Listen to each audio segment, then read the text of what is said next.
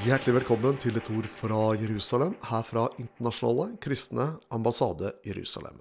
Jeg heter Dag Øyvind Jølusen.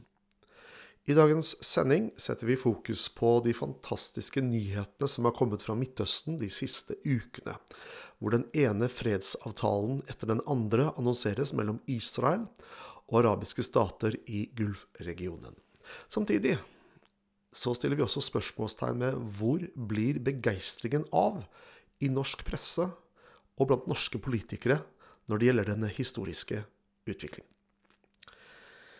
Torsdag 13. august ble fredsavtalen Abraham-avtalen, eller avtalen, eh, inngått mellom Israel og de arabiske emirater, eller De forente arabiske emirater. Denne innebærer en full normalisering av forbindelsen mellom Israel og eh, denne emiratstaten. Det signeres bilaterale avtaler med, om investeringer, turisme, direktefly, sikkerhet, telekommunikasjon og på andre områder. Og nå har også gulfstaten Bahrain sluttet seg til fred med Israel. Dette er historisk. Det er en fantastisk milepæl i historien i Midtøsten. Israel ble gjenopprettet i 1948. Og siden da har landet stadig vekk blitt angrepet enten av stater eller ulike terrorgrupper. Når Israel, ble, eh, Israel gjenoppsto som nasjon en maidag i 1948, så annonserte de arabiske statene at Israel skulle kastes på havet. Senere ble det sagt at Israel er en kreftsvulst som må bort, osv. Men på slutten av 70-tallet 78-79 så inngikk Egypt en fredsavtale med Israel, og senere på 90-tallet også staten Jordan. Her videreføres denne prosessen ganske kraftig, for her er det ikke bare en, en fredsavtale i den form at det er fravær av krig, men her inngås, ønsker man full normalisering av forbindelsene mellom statene. Og det er ganske fantastisk. Tirsdag kveld den 15. september denne uken altså, så, var, eh, så annonserte Trump at fem-seks land nå var klare til å inngå fred med Israel. Og det er jo makeløst i denne historien mellom Israel og den arabiske verden. Trump uttalte at vi vil ha minimum fem-seks land til veldig raskt. De vil se fred. De har kjempet lenge. De har kriget, eller kriger, men de er lei av å kjempe. Dere kommer til å se mye veldig flott. Det kommer til å bli fred i Midtøsten, uttalte den amerikanske presidenten. Og vi gleder oss over denne utviklingen av uh, Uansett hva som vil ligge foran i denne relasjonen, og hvordan dette vil prege Midtøsten, så er det all grunn til å være begeistret over at man har kommet til en plass hvor de arabiske statene ikke vil utslette Israel eller bare er fiendtlig innstilt, men de ønsker fred, en fredelig sameksistens. Drivkraften til dette er nok sammensatt. Det er frykten for sjiamuslimene og ayatollah i Iran og deres aspirasjoner om å utvikle atomvåpen. Samtidig så er det også Israels eh, stjerneposisjon i de internasjonale samfunnene innen innovasjon og utvikling, telekommunikasjon, IT, medisin, jordbruk, eh, mange områder, sikkerhet ikke minst, på ulike plan, hvor Israel ligger blant de fremste i verden. Og det er klart at denne, denne kunnskapen disse sitter på, denne know-howen, den kommer eh, også Israels partnere til gode. Så, så, dette er nok sammensatt, denne, denne eh, drivkraften til det vi ser nå. Men hvorfor er norske politikere, norske myndigheter, så tause i møte med denne utviklingen. Det sies, vi har sett noen Twitter-utspill fra utenriksminister Søreide, men hvor er f.eks. leder av utenrikskomiteen på Stortinget, Anniken Huitfeldt? Så langt jeg har registrert, det er fullt mulig at det har skjedd, men så langt jeg har registrert, jeg har ikke sett noe utspill, kommentar, til det som skjer. Kan hende det har skjedd, men de har ikke registrert det. Og vi ser ikke bare i Norge, men også i Europa ellers, så er det en, en noen, noen, er begeistret, men mange er på en måte tause i forhold til denne fantastiske utviklingen. Og igjen så er det altså spørsmålet hvorfor er det slik? Og en forklaring kan være at eh, det er Trump, eh, USAs president, som har sittet ved sentralt i denne prosessen. Og at man derfor mm, ikke ønsker å, å, å applaudere osv. Men eh, det kan også hende at det er andre aspekter inne i denne manglende reaksjonen som man, som man skulle forvente. Dette skal vi snakke mer om men uh, først skal vi høre Line and the Lamb, og det er Marius Wigart og Maria Torgussen Helgerud som leder an under vår sommerkonferanse i fjor i Kristiansand.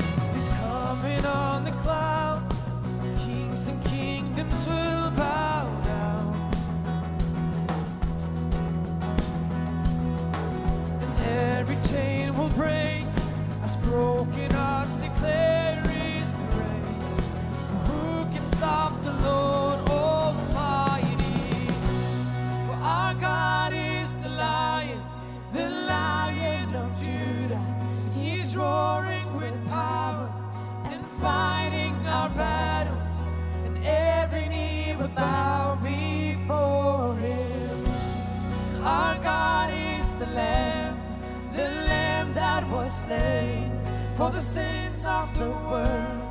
His blood breaks the chains, and every knee will bow before the lion and the lamb. And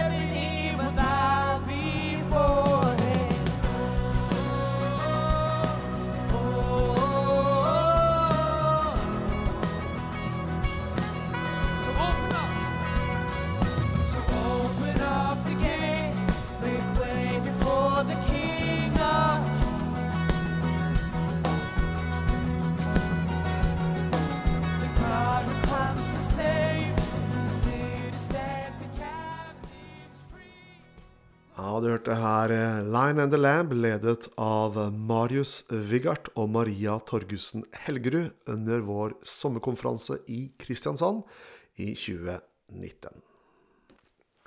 Vi snakker om de fantastiske nyhetene om araberstater som inngår fredsavtale med Israel. Og så etterlyser vi hvor er begeistringen, hvor er entusiasmen blant norske politikere, også i og for seg europeiske, og ikke minst også i mediene ellers. I, eller på tirsdag så annonserte Trump at det var fem-seks nye land som trolig kommer til å inngå fred med Israel i nær framtid. Så langt så er det De forente arabiske emirater og Bahrain som har gjort dette. På overskriften tidlig dagen etter på vg.no så var eh, teksten som følger Håper ingen andre arabiske land inngår en avtale med Israel. Og man kan saktens spørre seg hvorfor er det altså slik at uh, norske politikere uteblir i, uh, med sin støtte til det som nå har skjedd i Midtøsten. Uh, Norge har brukt milliarder av kroner på det man har snakket om fredsprosess i Midtøsten knyttet til Oslo-avtalen. Den er død. Men man skulle tro at Norge var interessert i en utvikling av fred og forsoning i Midtøsten. Men det virker ikke, altså ikke slik når det kommer til det som skjer i våre dager. Og da er spørsmålet er det fordi det gagner Israel at man opplever at her er det ikke mm, så veldig interessant? Eller er det et annet aspekt? Mange mener at eh, det, at det er støtten til palestinerne, eller palestinaraberne, som er drivkraften i det engasjementet i Midtøsten. Fordi man ønsker palestinaraberne vel, og så mener man at denne fredsavtalen omgår denne situasjonen. Eh, som gjør at dette kanskje er en årsak. Men eh, jeg er ikke så sikker på at det er et stort hjertelag i det globale samfunnet for palestinaraberne. Vi hører stadig vekk både i FN og det internasjonale samfunnet om at man løfter opp palestinere. I FN så er det formalisert, helt konkret, på ulike måter. Egne organer for de palestinarabiske flyktningene. Organer som de ikke finner for noen andre flyktninggrupper i verden. Likevel så har jeg noen spørsmål. Fordi i august 1990 Fram til februar 1991 så okkuperte Irak med Saddam Hussein i spissen Kuwait. Dette ble støttet av PLO, som er den ledende organisasjonen blant palestinaraberne. Det førte til følgende. Under krigen så flyktet av de 400 000 palestinaraberne som bodde i Kuwait, så flyktet 200 000 ut av landet under krigføringen. Og etterpå ble 200 000, de gjenværende 200 000, fordrevet av de kuwaitiske myndighetene. Så om lag 400 000 ble flyktet eller ble fordrevet ut av landet. Og de 200 000 da allerede hadde flyktet, de fikk ikke komme tilbake igjen. Vi snakker altså om 400 000. Når Israel ble opprettet i 1948, så var det mellom 500 000 og 700 000 palestinarabere som flyktet fra landet. Og dette har man snakket om eh, siden da, og det er stor fokus på i det internasjonale samfunnet. Når 400 000 flyktet fra Kuwait, dels fordrevet, dels på flukt, og de som flyktet, fikk ikke komme tilbake igjen eh, i tiden etterpå, så var FN helt taus. Sikkerhetsrådet var helt taus. FNs generalforsamling sa ingenting. Norske politikere hadde ingen kommentar om disse tingene som da pågikk. Og da stiller jeg spørsmålet er det virkelig slik at man har et så stort hjerte for denne gruppen mennesker. Nei, jeg tror egentlig ikke det. Jeg tror heller at det finnes en tror heller at årsaken er det finnes en dypereliggende uvilje mot dagens Israel, staten Israel, og mange ganger også det jødiske folk. Og vi har vært vitne til demonisering av Israel i det internasjonale samfunnet i en årrekke. Og jeg tror at det er årsaken til at det ikke er noe begeistring for fred som kommer på banen mellom arabiske stater og staten Israel.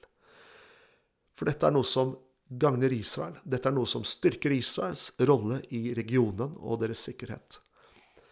Det tror jeg er årsaken til at norske myndigheter og europeiske myndigheter er så lite eh, Gir såpass liten støtte til det som skjer. Og jeg tror ikke dette er noen konspirasjonsteori. Jeg tror det bygger på historiske fakta. Dessverre. Du har lyttet til et ord fra Jerusalem, fra Internasjonale kristne ambassade i Jerusalem. Jeg heter Dag Øyvind Juliussen, og takker for følget.